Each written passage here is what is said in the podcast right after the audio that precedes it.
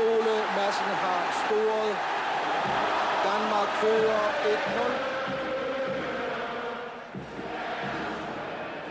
1-0. Stort set alle verdens bedste fodboldspillere nåede at spille i Københavns Idrætspark i dens levetid fra 1911 til 90. Nogle af dem fortæller jeg om i den her podcast, som hedder det samme som den bog, jeg har skrevet om Idrætsparkens historie, hvis tribunerne kunne tale. Den kan du læse meget mere om og købe via mit forlags hjemmeside ansats.dk. Jeg hedder Torkel Forsdal, og jeg har tidligere fortalt om de gange, hvor Stanley Matthews, Leo Yashin og Ferenc Puskas besøgte Idrætsparken. I dag er turen nået til en, som mange kalder den allerbedste nogensinde. Det ved jeg ikke, om han er, men jeg ved, at han kun spillede en eneste gang i Københavns Idrætspark, tirsdag den 10. maj 1960, og at netop den kamp også regnes blandt de allerstørste i Idrætsparkens historie. Den er i hvert fald den bedst besøgte fodboldkamp nogensinde i Danmark med ca. 52.000 tilskuere. Mindst. For rygterne vil vide, at mange flere havde maset sig ind på Idrætsparkens tætpakkede tribuner. Men det var også en helt særlig anledning, for det var første gang Brasiliens landshold spillede i Danmark. Og de var endda forsvarende verdensmestre, efter at have vundet VM i 1958 i Stockholm med en sprudlende, storspillende 17-årig stjerne i svøb ved navn Pelé. Ja, det är Makallen går igen till Brasilien. Pelé, inlägg från Nilton Santos. Pelé, ja det är lysande. Titta på uppvisningen. Det är makalöst. Det är fullständigt enastående. Det är 3-1 för Brasilien, Pelé. Ja, inlägg Oj, mot Pelé och han är tvåmålsskytt. Fotbollsvärlden har fått sig en ny gunstling. 5-2 Brasilien. Och matchen är också över i detta nu. Brasilien världsmästare för första gången. Du får ikke hele hans lange livshistorie i dag, for ligesom i min tidligere podcast, så koncentrerer jeg mig om den eller de kampe, hvor de største stjerner spillede i Idrætsparken. Pelés livshistorie er jo heldigvis heller ikke forbi endnu. Han lever stadig, men måske ikke lige frem i bedste velgående, for i en alder af 81 år døjer han med eftervirkningerne af en canceroperation i efteråret. For nylig så jeg en helt vidunderlig dokumentarfilm på Netflix om Pelé, og det slog mig, hvor lidt vi egentlig vidste om fodboldens store stjerner, dengang jeg var ung. Jeg så ham aldrig spille i levende live, men jeg har en svag erindring om nogle af kampene fra VM i Mexico i 1970. Der var jeg kun 9 år, og havde endnu ikke for vane at slå mig ned foran sort-hvid skærmen og slås med stuen til, når der en sjældent gang imellem er fodbold i fjernsynet. Men bortset fra VM i Mexico, så mindes jeg ikke at have set Pelé i fjernsynet i andre kampe med hverken Brasilien eller hans klubhold Santos. Og jeg vidste heller ikke ret meget om hans liv, før jeg blev voksen og begyndte at interessere mig lidt for fodboldhistorie. Der læste jeg selvfølgelig en del om ham og kendte i store træk hans historie, men det at se de levende billeder i Netflix-dokumentaren, det gjorde stort indtryk på mig. Det var nyt, og det var spændende. I dag kan man jo nærmest dagligt se, hvad ens helte går og laver, enten på sociale medier, eller tv, eller YouTube osv. Verden er blevet mindre, og det er på mange måder også dejligt, men vi har mistet noget af magien ved det, der engang var sjældent, hemmelighedsfuldt eller ukendt. Udover de gamle filmklip i dokumentaren, så var det også rørende at se Pelé sidde og tale om de gode gamle dage. Og at se ham mødes med gamle holdkammerater, som stadig er i live, som for eksempel Mario Zagallo. Det er et navn, som jeg altid kun har forbundet med, at han var Brasiliens landstræner ved VM i 1970. Men han var jo tidligere selv en stor spiller, som også var med til at vinde VM i både 58 og 62 sammen med Pelé. Så igen slog det mig, hvor meget ens fodboldverdensbillede bliver præget af, hvornår man selv begyndte at følge med, og hvor overrasket man kan blive, når man en dag dykker ned i det, der ligger forud for det skæringspunkt. Uden nogen sammenligning i øvrigt, så var det lidt det samme med en spiller som Tommy Troelsen, som vi lærte at kende som tv-vært på Sportslørdag i 70'erne. Havde han virkelig selv spillet fodbold på topplan? Hmm, måske de unge har det sådan med Premier i dag. Stadig uden nogen sammenligning i øvrigt. Min egen første erindring om Pelé er nok fra 1969 eller måske begyndelsen af 1970, men i hvert fald før VM-slutrunden i Mexico i juni 70. Vi drenge hjemme i gården og i skolen samlede selvfølgelig på klistermærker af VM-spillerne. Det må jo næsten have været nogle af de allerførste Panini-mærker i Danmark, men det tør jeg ikke sige med sikkerhed. Jeg kan da ikke huske, om de hed Panini-mærker, og jeg husker heller ikke helt, hvordan de så ud. Men én ting husker jeg. Pelé var eftertragtet, og jeg havde ham i dublet. Der var især nogle drenge inde i nabogården på Østerbro, som var helt syge for at få fat i Pelé. Så en dag, hvor vi stod på hver vores side af plankeværket, så viftede jeg dem om næsen med mit Pelé-klistermærke, og fandt så en cigaret frem, pillede papiret af klistermærket, rullede det rundt om cigaretten og satte ild til, og så røg jeg Pelé for næsen af de desperate drenge. Jeg røg ellers ikke, og nu var der gået lidt over 50 år, så må det vel være på tide at sige undskyld. Først og fremmest til drengene i nabogården, men også lidt til Pelé, som jo bestemt ikke fortjente at blive brændt af på den måde. Tænk, hvis det i øvrigt netop skete den 10. maj 1970. Det kunne det egentlig godt. Så havde det nemlig været præcis 10 år efter, at Pelé spillede i Idrætsparken. For første og i øvrigt også eneste gang. Det var den 10. maj 1960, mens jeg endnu lå inde i min mors mave, og nu skal det handle om den kamp. Aftalen om kampen faldt på plads den 17. februar, altså lidt over tre måneder før kampdatoen. Men aftalen blev ikke indgået af DBU, men af de to fodboldsammenslutninger, Stævnet og Alliancen. DBU ville nemlig til synligheden ikke selv påtage sig den økonomiske risiko, der var forbundet med at betale brasilianerne for at komme. Bagefter er det jo nemt at sige, at de burde have gjort det, for jeg har set regnskabet for kampen. Brasilianerne fik helt præcist 163.344 kroner i honorar. Det svarer i dag til lidt over 2 millioner kroner. Men så forpligtede de sig også til at stille med de bedste, og til selv at betale for deres fly og hotel og forplejning osv. Det rekordstore publikum i Idrætsparken lagde i midlertid 363.000 kroner i entréindtægter. Så der var altså et klækkeligt overskud på 200.000 kroner. Heraf skulle Københavns Idrætspark ganske vist have 107.000 kroner i baneleje, efter et sindrigt system, hvor banelejen blev beregnet i forhold til tilskuertallet. Og netop i de her år var banelejen forhøjet en hel del ved de største kampe, fordi DBU på den måde finansierede den store hovedtribune, der var blevet indvidet i 1955. Men så var der stadig 93.000 kroner tilbage til stævnet af alliancen. De skulle dog dække en lang række udgifter til blandt andet trykning og salg af billetter og plakater, til kontrollører, dommere, læge, massører, rejser og ophold til det danske hold, gaver til spillere og ledere, festbanket efter kampen, ja, selv en udgift på 48 kroner til leje af flag fandt vej til det detaljerede regnskab, som endte med udgifter på i alt ca. 45.000 kroner. Men så var der stadig et nettooverskud på ca. 48.000 kroner til stævnet og alliancen. Hvis du er nysgerrig efter at få overblik over alle de her tal, jeg sidder og ramset op, så har jeg lagt en kopi af regnskabet på min hjemmeside ansats.dk under den fane, der hedder Om bogen. DBU havde forvejen planlagt en landskamp mod Norge den 26. maj, altså lidt over to uger senere end Brasilienkampen. Så den kunne jo være en god anledning for udtalelseskomiteen til at teste formen hos landsholdskandidaterne. Hvis altså stævnet og alliancen vel at mærke kunne få lov til at låne provinsens landsholdsspillere. Det ville de gerne for at kunne stille op så stærkt som muligt, og det fik de også lov til. Men hvis du har hørt min podcast om Falens Puskas, så ved du, at det gav en hel del ballade i det danske fodboldmiljø. Provinsklubberne blev nemlig sure over, at de ikke fik penge for at udlåne deres spillere til stævnet og alliancen, som jo tjente penge på kampen. Men altså omvendt var det så også dem, der løb den økonomiske risiko, som DBU ikke selv ville løbe. Derfor fik stævnet heller ikke lov til at låne provinsklubbernes landsholdsspillere, da Real Madrid senere samme år besøgte Idrætsparken. Det havde ellers været en oplagt forberedelse til OL i Rom, og landsholdsspillerne var også selv vilde efter at få lov til at møde de femdobbelte Europacup-vinder. Men denne gang fik stævnet altså ikke lov. Men det gjorde de i maj 1960 til Brasilienkampen. Og der var som sagt en vis økonomisk risiko ved at entrere med verdensmesterne. Og hvis ikke at de også havde skulle spille en kamp i Sverige, så er det måske tvivlsomt, om kampen i København var blevet til noget.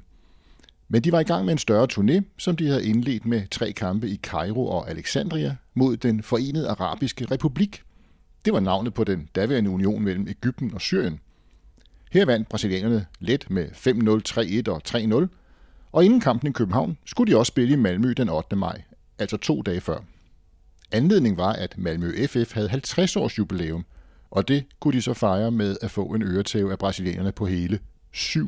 Det har sikkert glædet mange på vores side af sundet, men det øgede altså nok også nervøsiteten for, hvordan det kunne gå de danske helte i Idrætsparken. Du milde, tindrende fodboldgud, hvor var det dog bedårende. Sådan lød overskriften i Ekstrabladet, som havde været overse kampen i Malmø, og avisens udsendte skrev, at brasilianerne let kunne have vundet 20-1. De førte ellers kun 2-1 ved pausen, men bankede altså fem mål mere ind i anden halvleg. Blandt andet to mål af Pelé. Vi skal åbenbart til det kolde nord for at vise vores allerbedste, jublede han til Ekstrabladet, der omtalte ham som den kul sorte 19-årige vidundercenter forward og fodboldmillionær.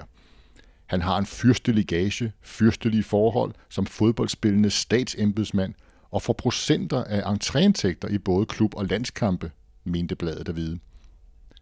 Udover selv at score to mål, var Pelé også med i flere af de andre mål i Malmø, og aktuelt beskrev et af dem således. En gang var Pelé gået igennem hele det svenske forsvar. Han manglede kun at trille bolden forbi målmanden.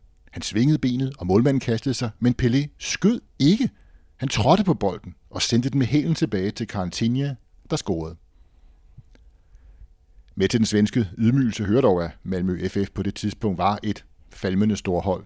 Bare en måned før havde Frem, som ellers lå i bunden af den danske første division, slået Malmø 2-0 i en ny nordisk klubturnering, som dog ikke fik nogen lang levetid. Kortere hvis nok en Royal League. Men alligevel, den brasilianske opvisning gav forståelige panderynker i den danske lejr. Til kampen i København var AGF's centerhalf Hans Christian Nielsen udset til at markere Pelé. Han sagde til Ekstrabladet før kampen, hvis de laver det samme mod os, som jeg har læst, at de lavede mod svenskerne, så stiller jeg mig også op og klapper. Han tilføjede herefter, det bliver en oplevelse, og skulle jeg blive til grin over for Pelé, så er jeg jo sikkert hverken den første eller den sidste. Men hvis vi selv kan presse en smule, så får de vel ikke tid til at spille os helt ud af banen. Ej, Hans Christian Nielsen, det er du nemlig helt ret i. Men det vender vi tilbage til. Først skal vi nemlig lige have med, at brasilianerne, i øvrigt ligesom det danske hold, var indkvarteret i København på Hotel Cosmopolit på hjørnet af Stor Kongensgade og Goddersgade. En ganske imponerende bygning i fem etager fra 1898, som stadig ligger der, dog ikke med hotel. En masse børn og unge og autografjæger var mødt op for at få et glimt af stjernerne, eller allerhelst en af deres eftertragtede signaturer. Store Kongensgades politistation havde også placeret en betjent ved hotellet for at sørge for, at trafikken ikke gik helt i stå omkring Kongens Nytorv, for det var lidt af et tilløbsstykke. Men det var dog ikke værre, end at nogle af de brasilianske spillere blev set slendre skødesløs ned ad strøget i deres træningsdragter. Der har sikkert været en del, der spærrede øjnene op ved synet af en nære. Ja, undskyld mit sprog, men det sagde man altså dengang. Pelé for eksempel også fortalt, at da brasilianerne kom til Stockholm to år tidligere, så ville nogle af de indfødte gerne røre ved deres hud for at se, om farven smittede af. Nå, nu spoler vi frem til kampdagen tirsdag den 10. maj, hvor kampen var fastsat til kl. 19, og Idrætsparkens porte åbnede kl. 17.30. Fra kl. 18 underholdt Stævnes Orkester under ledelse af den legendariske orkesterleder Erik Åkervald, og med hans kommende kone Henriette Hansen som bensvingende tambomajor i lovkort og lange hvide støvler. Danmarks Radio sendte desværre ikke kampen i fjernsynet, men de ville faktisk gerne, og de var også blevet enige med Stævnet og Alliancen. Men brasilianerne havde i kontrakten betinget sig et voldsomt højere honorar, hvis kampen skulle sendes i fjernsynet, og det turde arrangørerne alligevel ikke binde an med. Det kan vi så ærge os over i dag. Med 52.000 tilskuere plus det løse, var der nok engang dømt trafikkaos på Østerbro. Og det var sædvanligvis værre på hverdag end på søndag. De fleste havde jo været på arbejde, og mange skulle måske først lige nå hjem og se, hvad lillemor havde rørt sammen i kødgryderne. Så selvom der var indsat ekstra tog, sporvogne og busser, så var der problemer. Store problemer. To af spillerne, AGF's Henrik From og førnævnte Hans Christian Nielsen, blev for eksempel fanget i de kaotiske trafikforhold, så de først ankom til idrætsparken cirka 25 minutter før kampstart. Heldigvis for dem, så blev kampen udsat cirka 10 minutter på grund af den enorme trængsel og tumult ude foran porten, hvor folk stod som sild i en tønde, og flere angiveligt besvimede og måtte hjælpes væk. Og der stod stadig mange udenfor, da den svenske dommer Erik Johansson fløjtede opgøret i gang. Brasilianerne havde kun ændret på tre pladser fra VM-finalen i 58. Pepe, Carantinha og Chinesinho startede i stedet for Mario Zagallo, Vava og Didi. Men ellers var de der alle sammen. I målet stod en af Sydamerikas bedste målmænd nogensinde, Gilmar. De to bakker, Jalmar Santos og Nilton Santos, som dog ikke var brødre, men kæmpe store spillere og legender, som i 2004 begge var med på FIFAs liste over verdens 125 bedste spillere gennem tiderne. Centerhafen og anføreren Bellini, der løftede VM-trofæet i Stockholm to år tidligere.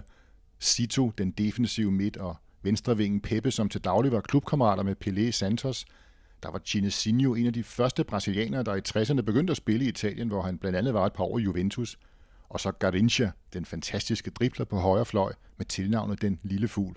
Og så selvfølgelig Pelé. Han og de andre brasilianere kom flyvende fra start og skabte allerede et par gode chancer i de første minutter, hvor mange tilskuere stadig stod og ventede udenfor. Det gjorde de også efter små 10 minutter, da Harald Nielsen blev spillet i dybden med en fremragende frispilning fra John Danielsen. Og fra udkanten af straffesparksfeltet sparkede Harald bolden flat forbi Gilmar og i mål. Chokstarten var en kendskærning. Føringen holdt dog kun til, der var spillet et kvarters tid. Så lykkedes det Pelé at lave en tunnel på sin oppasser Hans Christian Nielsen, hvorefter han fyrede af mod mål. Henrik From afværgede i første omgang, men som han selv forklarede efter kampen. Først ville jeg prøve at gribe bolden, men så mente jeg, at det var klogere at søge at bokse den bort. Det mislykkedes. Det var ærgerligt. Ja, det var det, for Cantinho var nemlig først på returbolden, og så stod det 1-1. Men danskerne gav sig ikke og ydede fortsat fremragende modstand mod verdensmestrene. Og ude på venstrefløj diskede KB's Jørgen Sørensen op med driblinger og detaljer, som man næsten kun havde forventet at se fra sydamerikanerne. Desværre trådte Jørgen Sørensen midt i første halvleg forkert og vred om på foden, så han måtte lade sig udskifte. Ind kom en noget overrasket og uforberedt Arno Hansen, som altså nu skulle stå over for Hjalmar Santos, der allerede virkede småirriteret over, at Jørgen Sørensen havde tørret ham et par gange. Men Arno havde andre problemer. Det var et helt chok for mig, at jeg skulle ind, for jeg havde glemt at tage mine støvler med. Jeg måtte låne Erling Nielsens, og de var hele snuden for store til mig. Men i halvlejspausen fik jeg da stoppet vat i dem, fortalte Fynboen. Arno Hansen spillede til daglig for B909, som var forsvarende dansk mester, efter de for første gang nogensinde havde vundet titlen i sæsonen 1959. Det må sige at være en noget mere munter markering af et 50-års jubilæum i Malmø FF's. Arno Hansen nåede dog aldrig at få en officiel A-landskamp, men han fik til gengæld tre fjerdedel af denne legendariske brasilianerkamp. På det her tidspunkt i første halvleg væltede der også pludselig op mod 1000 tilskuere ind i idrætsparken, efter at de simpelthen havde sprængt en af portene. Der var jo i forvejen propfyldt overalt, så de blev lukket ind og sidde på græsset foran idrætsparkens bander. Her kunne de se danskerne stadigvæk spille overraskende modigt, men landstræner Arne Sørensen havde også i lang tid udført et kæmpe arbejde for at udvikle truppen, både konditionsmæssigt, taktisk og teknisk. Og det kunne man se. Danskerne holdt hovedet koldt, de turde holde i bolden, de turde prøve noget, kom frem på banen, og efter en halv times tid scorede Harald Nielsen min sanden igen. Han var søgt lidt tilbage i banen, hvor han fik bolden og satte kurs ned mod målet, men foran ham stod den brasilianske center half Bellini. Men Harald tog et langt træk forbi Bellini, men i første omgang så det også ud til at være lidt for langt. Nej, forklarede Harald bagefter. Min træner i Frederikshavn, Erik Kul Jensen, har indstuderet det med mig og sagt, at jeg er hurtig nok til at gøre det. Og det var han. Så selvom vinklen nu blev lidt spids ude højre side, så tog han chancen og overrumplede Gilmar med et fladt skud mod det lange hjørne. Keeperen fik ganske vist handskerne på læderkuglen, men han kunne ikke forhindre den i at fortsætte ind over målstregen, inden Hjalmar Santos nåede tilbage og ragede den ud. Arne Sørensen ude på sidelinjen troede ikke sine egne øjne, og har senere beskrevet oplevelsen sådan her. Først da en larm fra et par hundrede jetmaskiner får idrætsparkens mure til at blafre, er jeg sikker på, at der var mål. Nu kan jeg forresten også se det. Gilmar, brassermålmanden, ligger i målet og ligner en statue af en tragedie. Ja, den var god nok. Danskerne førte altså nu 2-1 på to mål af den kun 18-årige Harald Nielsen, som ellers havde været på vippen til at blive vraget denne aften. Om morgenen havde han kunne læse i avisen, at DBU langt fra var overbevist om, at han skulle være den foretrukne center forward, når det gik løs ved OL i Rom senere på året. Esbjergs Egon Jensen skulle angiveligt prøves i den næste testkamp i Odense otte dage senere, selvom landstræner Arne Sørensen foretrak Harald. Men landstræneren havde ikke det sidste ord skulle have sagt, for landsholdet blev besluttet af en helt udtalelseskomité, hvor medlemmerne vist ofte plejede mere lokale klubinteresser i forhold til deres bagland. Men denne aften satte Harald en tyk streg under sin kandidatur og var fra dag en selvskreven centerforward på holdet. Efter 2-1-målet fortsatte danskerne med at mase på, og Gilmar redde et brag af en helflugter fra Henning Enoksen, og han vippede også et hovedstød fra Harald til hjørne. Brasilianerne havde dog også masser af angreb, og da de kort før pausen fik hjørnespark, så kiksede den danske opdækning for en gang skyld. Garincha skruede bolden ind over, Chinesinho opsnappede den midt i feltet, og mellem venner og fjender bankede den forbi Henrik From til pausestillingen 2-2. Efter pausen kendte danskerne desværre ikke den berømte besøgelsestid. De havde ellers chancer nok. John Danielsen, igen, spillede for eksempel Paul Pedersen helt fri til kampens hidtil største chance, men denne gang reddede Gilmar fremragende. Bagefter forklarede Paul Pedersen det således. Jo, skæld mig bare ud. Men der var altså det, at jeg havde en brasilianer i hælene, og der var også det, at bolden sprang for højt, da det blev nødvendigt for mig at skyde. John Danielsen var en i øjnefaldende chanceskaber i kampen, men han fik alligevel kritik bagefter for at være det svageste punkt på holdet. Man savnede mere mod og beslutsomhed, så UK, altså udtalelseskomiteen, overvejede seriøst at sætte ham af til landskampen mod Norge, til fordel for f.eks. Arno Hansen. Men de valgte dog alligevel at give genvalg til alle fra Brasilienkampen. Danskerne skabte også flere gode muligheder, og sydamerikanerne var efterhånden ret presset af de ivrige og energiske danskere, som ikke tillod dem at komme i gang med deres samba-fodbold. Men så trak brasilianerne et trumfkort, som kom bag på de danske amatører. De skiftede nemlig to wings, Garincha og Peppe, ud med to friske folk, Julinho og Valdo. Det forvirrede åbenbart det danske forsvar, som måske også var lidt veloptimistiske på det her tidspunkt af kampen, mens de forreste fem forgæves jagtede det tredje danske føringsmål. I stedet fik brasilianerne med cirka 20 minutter igen mere end rigeligt plads til at køre en kontra, og Carantinha bragte dem foran 3-2. Det knækkede ikke danskerne, men gassen gik lidt af ballonen. Eller også så livede brasilianerne bare gevaldigt op, for nu kunne de pludselig det hele igen, og et kvarter før tid øgede Ginesinho til 4-2. Men danskerne gav stadig ikke op. I sin fremragende bog, Sommeren 1960, fortæller forfatteren Hans Mortensen en sjov lille detalje fra slutningen af kampen, hvor Pelé var nede og hjælpe sit forsvar, der var under pres. Fra sidelinjen ser Arne Sørensen, verdens bedste fodboldspiller, pege op mod det danske mål med et opgivende blik og forme et nul med fingrene. Ikke en eneste brasilianer er fremme på banen. Alle de mange kilometer på landevejen, alle aftentræningerne i sne og kulde, alle de gange han måtte være væk fra familien og til fodbold, de er retfærdiggjort i denne ene gestus fra selveste Pelé. Og det var altså landstræner Arne Sørensens store arbejde med holdet, som Hans Mortensen her hentydede til. Og min sanden, om ikke Henning Enoksen fem minutter før tid, tændte håbet om et lille mirakel, da han reducerede til 3-4 på hovedstød efter en vidunderlig detalje af Harald Nielsen. Flemming Nielsen slog et indlæg hen over forsvaret, som Harald kunne have hættet mod mål, men han synes ikke chancen var stor nok, så han tæmmede bolden med brystet og hættede den derefter på tværs til Enoksen, der hamrede den ind til 3-4. I slutminutterne, hvor Idrætsparken kogte af begejstring, var der flere hektiske situationer i det brasilianske felt, men trods danskernes desperate forsøg på udligning, så blev det ved en brasiliansk 4-3 sejr. Som faste lyttere af den her podcast efterhånden har hørt mig sige nogle gange, så var det et ærefuldt dansk nederlag efter en flot indsats. Men det var nok et af de allermest ærefulde nederlag gennem tiderne.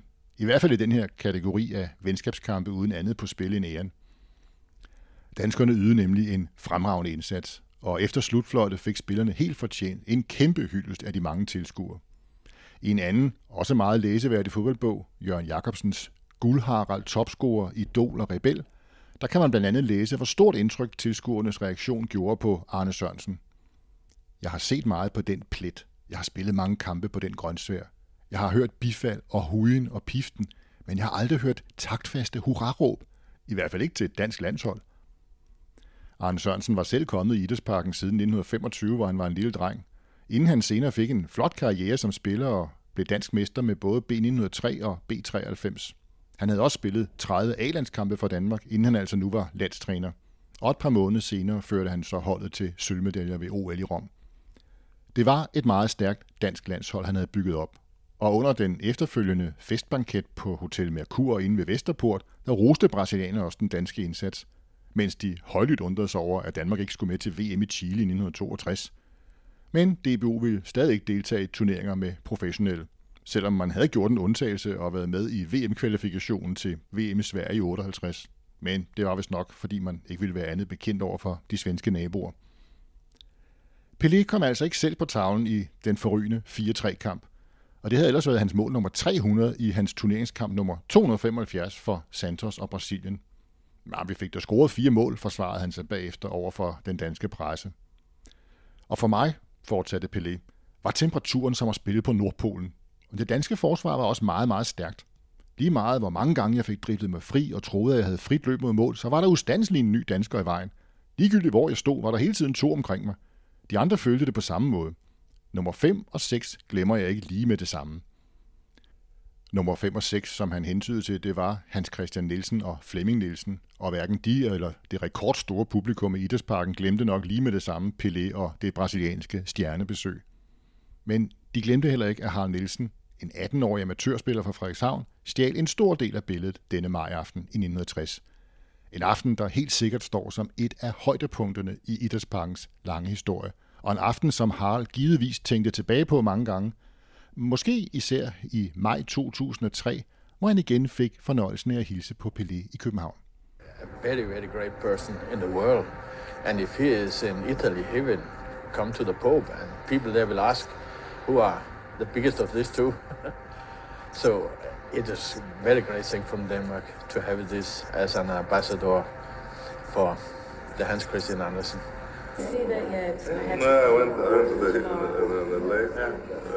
Som du måske kunne nå at høre, så var anledningen, at Pelé den dag i 2003 blev udnævnt som officiel H.C. Andersen-ambassadør i forbindelse med digterens 200-års fødselsdag i 2005.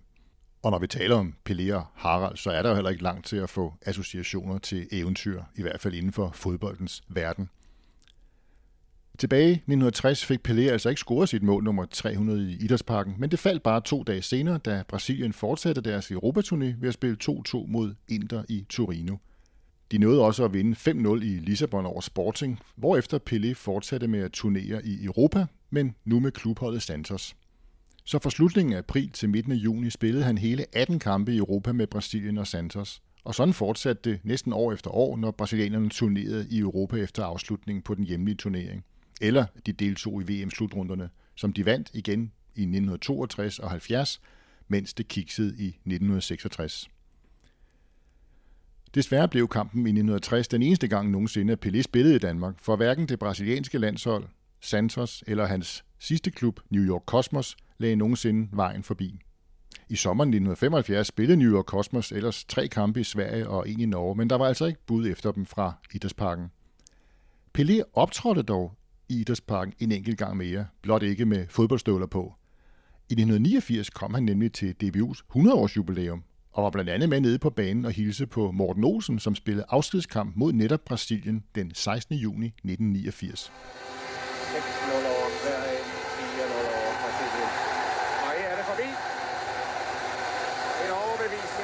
afslutning og en flot, flot jubilæumsgave til Dansk Boldspilunion. En flot afskedsgave til Morten Olsen og en flot jubilæumsgave til Sepp Jonsek med sine 100 landskampe. Ja, 4-0 over selveste Brasilien. Ganske vist ikke et brasiliansk hold med alle de bedste, men alligevel, det pynter i statistikken, for det er til dato vores eneste officielle landskamp på hjemmebane mod Brasilien. Vi havde tidligere slået deres amatørlandshold 3-2 ved OL-slutrunden i Vesttyskland i 1972, og så tabte vi 2-3 i VM-kvartfinalen i Frankrig i 1998. Og siden har vi så tabt til dem i en venskabskamp i Hamburg i 2012 med 1-3. Kampen i 1960 blev af DBU aldrig regnet for en officiel landskamp, fordi det var jo en kamp med Stævne Alliancen som arrangør. Men pudsigt nok, så tæller den i de brasilianske analer som en officiel landskamp. Det synes som om, at de havde et princip om, at når de mødte et enkelt klubhold, som for eksempel Inter eller Sporting, så var det ikke en landskamp, men en uofficiel venskabskamp. Men når de mødte udvalgte hold, som her stævnet, eller for eksempel de udvalgte hold, de mødte i den arabiske union fra Ægypten og Syrien, så talte de som officielle landskampe. Ja, sådan er der så meget. Til sidst kan jeg nævne, at Pelé også besøgte København i september 2009 i forbindelse med en kongres for den internationale olympiske komité, men her hvor vi har taget hul på 2022, skal vi nok ikke regne med at se ham mere igen på disse kanter. Men minderne har vi heldigvis lov at have, og jeg kan kun endnu en gang opfordre til at se den smukke Pelé-dokumentar fra sidste år. Den ligger inde på Netflix. Tak fordi du lyttede med.